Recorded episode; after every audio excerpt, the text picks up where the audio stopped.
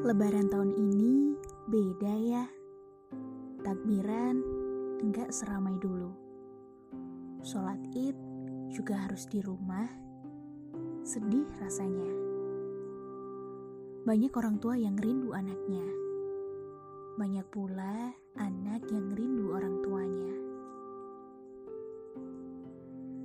Lebaran tahun ini nggak ada lagi anak-anak yang main lari-larian pakai baju baru ketupat, dan kue nastar gak lagi senikmat dulu. Gak ada lagi reuni tahunan atau sekedar keliling maaf-maafan. Ya, pada akhirnya kita cuma bisa saling menabung rindu dan bersua lewat doa. Meskipun terpisah jarak, doa terbaik dari Bapak Ibu pasti sampai ke kamu. Semoga kondisi ini cepat berlalu ya agar kita cepat saling bertemu.